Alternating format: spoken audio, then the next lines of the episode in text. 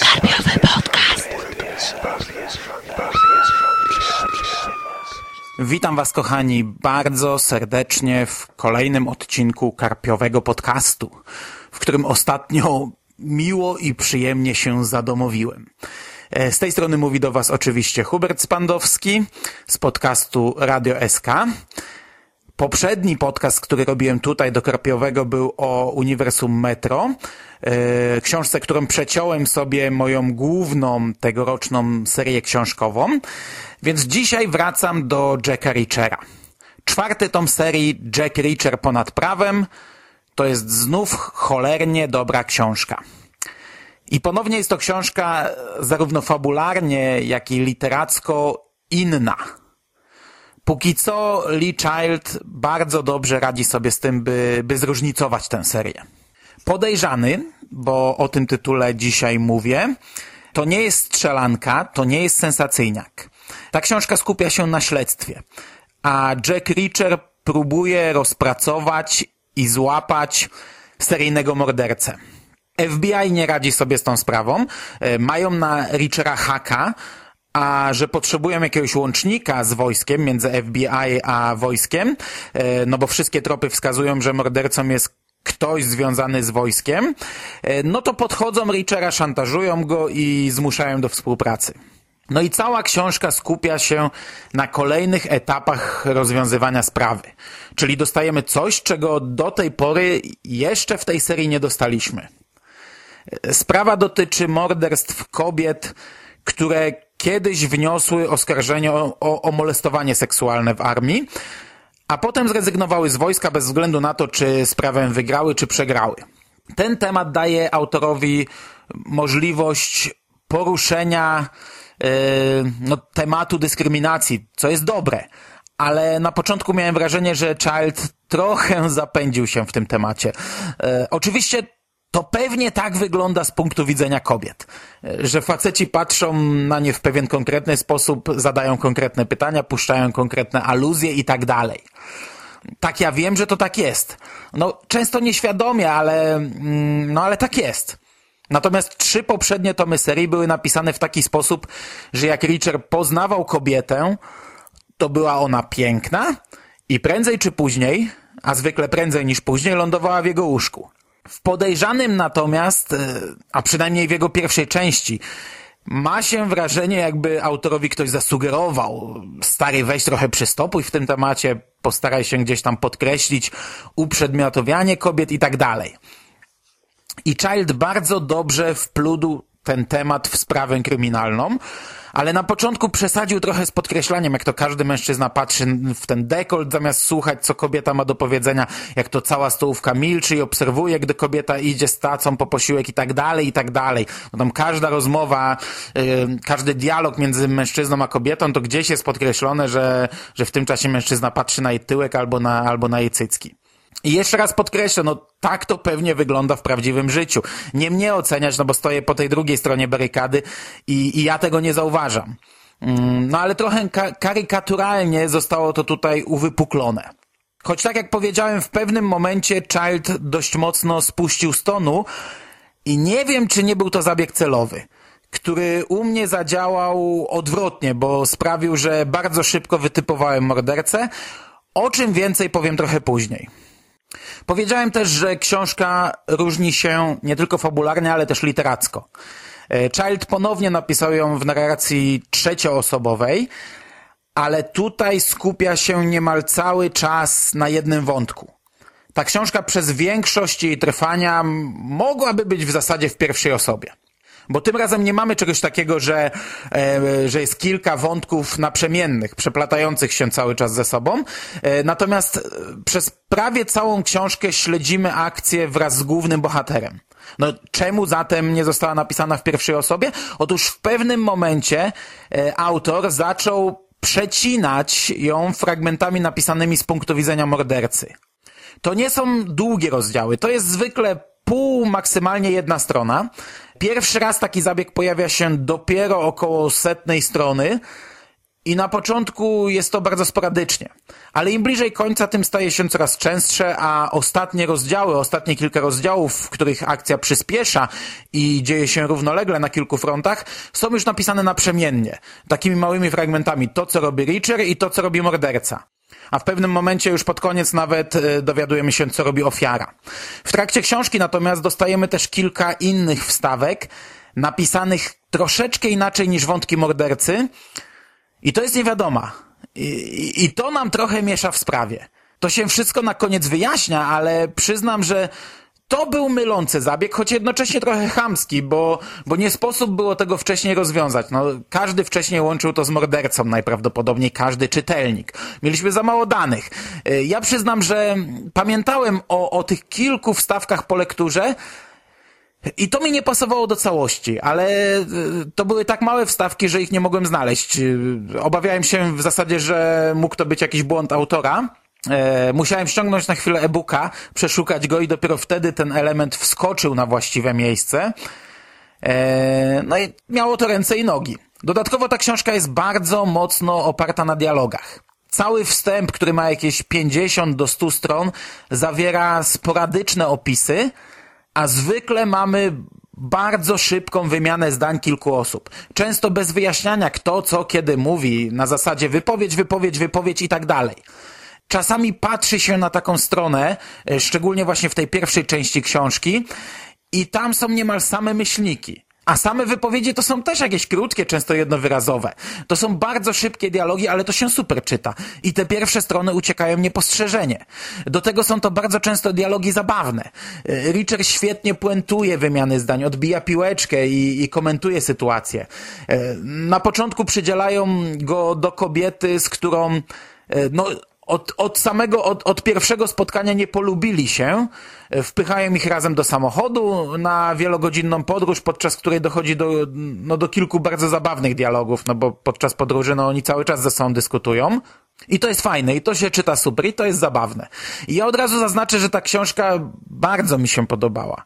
E, cała intryga ma ręce i nogi, trzyma się kupy, jest dobrze przemyślana i ciekawie napisana. Czasami autor fajnie myli tropy, ale jednocześnie ta książka ma jedną sporą wadę, która dla wielu może wydać się bardzo istotna. No, Child pisze w taki sposób, że chyba każdy, kto czyta, już wie o co chodzi w tej książce, poza bohaterami samej książki. I to było już widać na przykładzie poprzednich tomów, ale poprzednie tomy miały więcej strzelania, miały więcej akcji, miały jakąś tam rozwałkę i tak dalej. Tutaj, teraz tak myślę i, i, i w tej książce chyba nie pada ani jeden strzał. Nie przypominam sobie takiej sytuacji. Cała książka opiera się na sprawie kryminalnej, tak jak to już powiedziałem. Ta sprawa jest dobrze przemyślana i dobrze rozpisana, ale ja wytypowałem mordercę mniej więcej po 100-150 stronach. I trzymałem się do końca tej teorii, choć kilka razy autor starał się mylić czytelnika, a raz zrobił to tłumacz książki, ale o tym może na sam koniec, bo bez spoilera tego się nie da. No i ja przez całą lekturę trzymałem się tej swojej teorii. Byłem pewien w 99%, że ona musi być prawdziwa i była prawdziwa. Sposób działania mordercy jest tutaj ogromną zagadką. E, morderca nie zostawia śladów, nie wiadomo w jaki sposób zabija swoje ofiary, wypełnia wannę farbą wojskową, nie wiadomo jak ją transportuje, jak się przemieszcza, e, bo kolejne ofiary są zabijane na, w skrajnych miejscach Stanów Zjednoczonych, jak radzi sobie bez użycia przemocy i tak dalej, A tak naprawdę jest to cholera najprostsza zagadka z całej książki, która staje się oczywista, y, no już tak naprawdę staje się oczywista po pierwszym rozdziale pokazującym scenę mordu z punktu widzenia mordercy. Pewnie można na to wpaść dużo wcześniej, ale po pierwszym takim rozdziale no nie pozostają już żadne wątpliwości. A bohaterowie wpadają na to jakieś 20 stron przed końcem książki. Już po pojmaniu mordercy. I jest to dla nich wielki szok. I czytelnika też ma to szokować, podczas gdy czytelnik od 300 stron nie brał innej możliwości pod uwagę. Szczególnie, że w książce ten motyw jest poruszany kilkakrotnie. I tak naprawdę mamy podpowiedzi, no mamy podpowiedzi i to jest jedyna możliwość, jaką tutaj można y, przypisać do, do tych morderstw. A jak połączy się to z tematem książki i, i pierwszą myślą, co by tutaj było największym twistem, yy, gdy połączy się ze sposobem, w jaki napisane są rozdziały o mordercy, no i gdy zestawi się te dwie rzeczy z bohaterami, którzy występują w książce, no to wypada nam tylko jedno nazwisko. Tylko jedno nazwisko pasuje tutaj do, do tego całego schematu. To jest proste i to jest poprawne rozumowanie, bo to nazwisko, które nam wypada, to jest morderca. Serio, jeśli ktoś mi powie, że czytał książkę i którykolwiek z motywów w finale, czy to tożsamość mordercy, czy jego sposób działania, było dla niego zaskoczeniem, to nie uwierzę. I to jest minus tej książki. Plus jest taki, że to się mimo wszystko czyta świetnie, a do tego Child myli kilka razy tropy. Sam Richard celowo kieruje sprawę w kilka fałszywych kierunków, bo to pozwala mu układać kolejne elementy tej, tej prawdziwej układanki. I to ostatecznie wszystko naprawdę dobrze trzyma się kupy. Ale w trakcie lektury kilka razy zaczynałem wątpić, choć nie na zasadzie, o kurczę, to jednak będzie tak, tylko na zasadzie, mam nadzieję, że to jednak nie będzie tak, bo, bo, no bo wszystko wskazuje, że to ja mam rację, a to, co teraz robią bohaterowie, to się kupy nie trzyma. I jeśli się obawiałem czegoś, no to właśnie tego, że Child spieprzy finał, właśnie nie trzymającym się kupy rozwiązaniem, ale potem sam Richard tłumaczy swoim mega inteligentnym towarzyszom z FBI, że przecież to się nie trzymało kupy, no to było widać od początku. w ogóle FBI w tych książkach, bo to nie jest pierwszy tom, w którym e, oni są, no, naprawdę bystrzachy. Okej, okay, i to by było na tyle w temacie przewidywalności. Wrócę jeszcze do tego na koniec, po napisach, e, w sekcji spoilerowej, ale tutaj dodam tylko, dodam jeszcze tylko, że jest to pierwsza książka z tej serii, która ciągnie elementy z poprzedniego tomu. E, sam wróg bez twarzy jest natomiast tutaj w skrócie streszczony w kilku zdaniach, to, to nie zajmuje jakoś dużo miejsca. A, a te wątki, tak naprawdę te wątki, które ciągną się od dwóch książek, to nie są jakieś wątki, które jakoś szalenie wpływałyby na niezrozumienie czegoś. Ale przez całą książkę tutaj przewija się motyw y, ustatkowania się Jacka. Jego wewnętrzna walka z tym, czy chce żyć w taki sposób, według takich normalnych zasad, czy powrócić do tułaczki. A wszystko to właśnie zapoczątkowane zostało w poprzednim tomie. To są drobiazgi, ale jak ktoś chce śledzić chronologicznie, to tylko zaznaczam, że takie drobiazgi się tu pojawiają. I to by było na razie tyle. W kioskach jest już dostępny piąty tom cyklu pod tytułem Echo w płomieniach. Ja standardowo robię sobie tygodniową przerwę na, na inną książkę, by odpocząć chwilę od Richera, ale w tym miesiącu na pewno jeszcze raz się usłyszymy. Na dzisiaj żegnam się z Wami i zapraszam do krótkiej sekcji spoilerowej.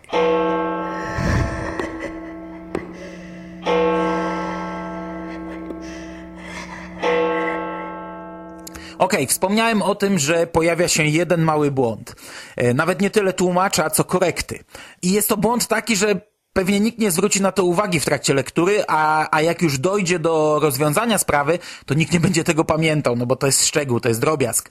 I ewentualnie podczas drugiej lektury, podczas ponownego kontaktu z tą książką, może rzuci się to komuś w oczy. Ale ja na samym początku książki, tak jak powiedziałem wcześniej, założyłem, że mordercą, e, no teraz mogę zdradzić, jest kobieta. Po pierwsze właśnie dlatego, że był taki silny nacisk na te wątki uprzedmiotowiania kobiet, i pomyślałem sobie, że to będzie zabawne zagranie na koniec. Kiedy przez całą książkę autor kreuje kobiety na ofiary, a na koniec odwróci sytuację i pokaże ją jako, jako sprawcę przemocy. A po drugie, sami bohaterowie cały czas mówią o nim on. No ale to akurat jest normalne, no bo tak się z góry raczej zakłada, że seryjnym mordercą jest mężczyzna. A po trzecie i najważniejsze, rozdziały dotyczące mordercy pisane są bezosobowo. To jest tak napisane, jakby morderca zwracał się do czytelnika. On, on mówi do nas, mówi do nas, że to jest proste, że to wystarczy, że podejdziesz tam, że sprawdzisz to, powiesz coś do niej, złapiesz to i tak dalej. To nie jest dokładny cytat, tak sobie tylko rzucam e, przykłady. I to jest z jednej strony fajne, bo teoretycznie z góry zakłada się tego mężczyznę, e, a tak jak powiedziałem wcześniej, Child wplótł tu jeszcze dodatkowo wątek mężczyzny wojskowego, który jest zmyłką i dopiero na koniec okazuje się, że ten wątek nie dotyczy mordercy, a zupełnie kogoś innego, kogo do tej pory nie było na scenie. E, z drugiej strony, e, z drugiej strony natomiast, dla mnie była to aż za mocna podpowiedź. No bo po coś autor użył takiego zabiegu. I nawet jak chwilami wszystko sugerowało, że mordercą jest jednak facet, to ja kurczowo trzymałem się swojej teorii, że zabija kobieta. Naginałem fakty do swojej teorii. To jest złe, ale widać tutaj się sprawdziło. No bo jeszcze raz podkreślę, no po coś autor użył tego zabiegu. I ja powiedziałem, że raz zawiódł przekład i że mało kto zwróci na to uwagę, bo w przekładzie raz mamy dokładnie powiedziane, że to jest mężczyzna. I ja zwróciłem na to uwagę, bo, bo dość uważnie czytałem te rozdziały z mordercą, skupiając się właśnie na tym, jak fajnie autor to ukrył i jak ewentualnie tłumacz miał trudne zadanie. I dokładnie zapamiętałem, na 345 stronie pada zdanie. Y, to wszystko jest y, mówione właśnie w taki sposób, że morderca zwraca się do czytelnika. Idziesz dalej, kluczyki wędrują do kieszeni, telefon trzymasz w dłoni. Nie ma nic bardziej naturalnego niż mężczyzna idący przez salę lotniska z telefonem w dłoni. A w kolejnym akapicie mamy dodatkowo coś takiego. Zatrzymujesz się, opierasz o kolumnę, otwierasz telefon, przykładasz go do ucha, udajesz, że rozmawiasz. Właśnie stałeś się niewidzialny. Jesteś kimś opartym o kolumnę, rozmawiającym przez komórkę, natomiast kawałek dalej mamy tak. Naciskasz kilka przypadkowych guzików. Masz do przeprowadzenia jeszcze jedną rozmowę. Jesteś zajęty. Jesteś jednym z wielu takich facetów. Ja nie mam oryginalnej książki, nie mogę tego porównać, ale zapewne nie chodziło tutaj o mężczyznę w oryginale, a o człowieka. I, I, dodatkowo w oryginale to było o tyle łatwiejsze i fajniejsze, że dwuznaczne. I dawało dwie możliwości interpretacji. U nas było utrudnione, no u nas tłumacz, nie wiem, no musiał użyć słowa człowiek, a, a też zbyt częste sugerowanie, że chce się pomijać... Yy, kwestie płci, no właśnie sprawia to, że wpadamy na, na rozwiązanie tej zagadki dość szybko. I to był kolejny moment, gdzie ja nagiąłem fakty pod swoją teorię i po prostu z góry założyłem, że to był błąd w polskim wydaniu, a nie sugestia, że mordercą jest jednak mężczyzna. No, w głębsze spoilery już tutaj wchodzić nie będę, tylko chciałem ten drobiazg zaznaczyć. Eee, jeszcze raz żegnam się z wami, żegnam tych, którzy dosłuchali do tego momentu. Trzymajcie się ciepło, do usłyszenia. Cześć.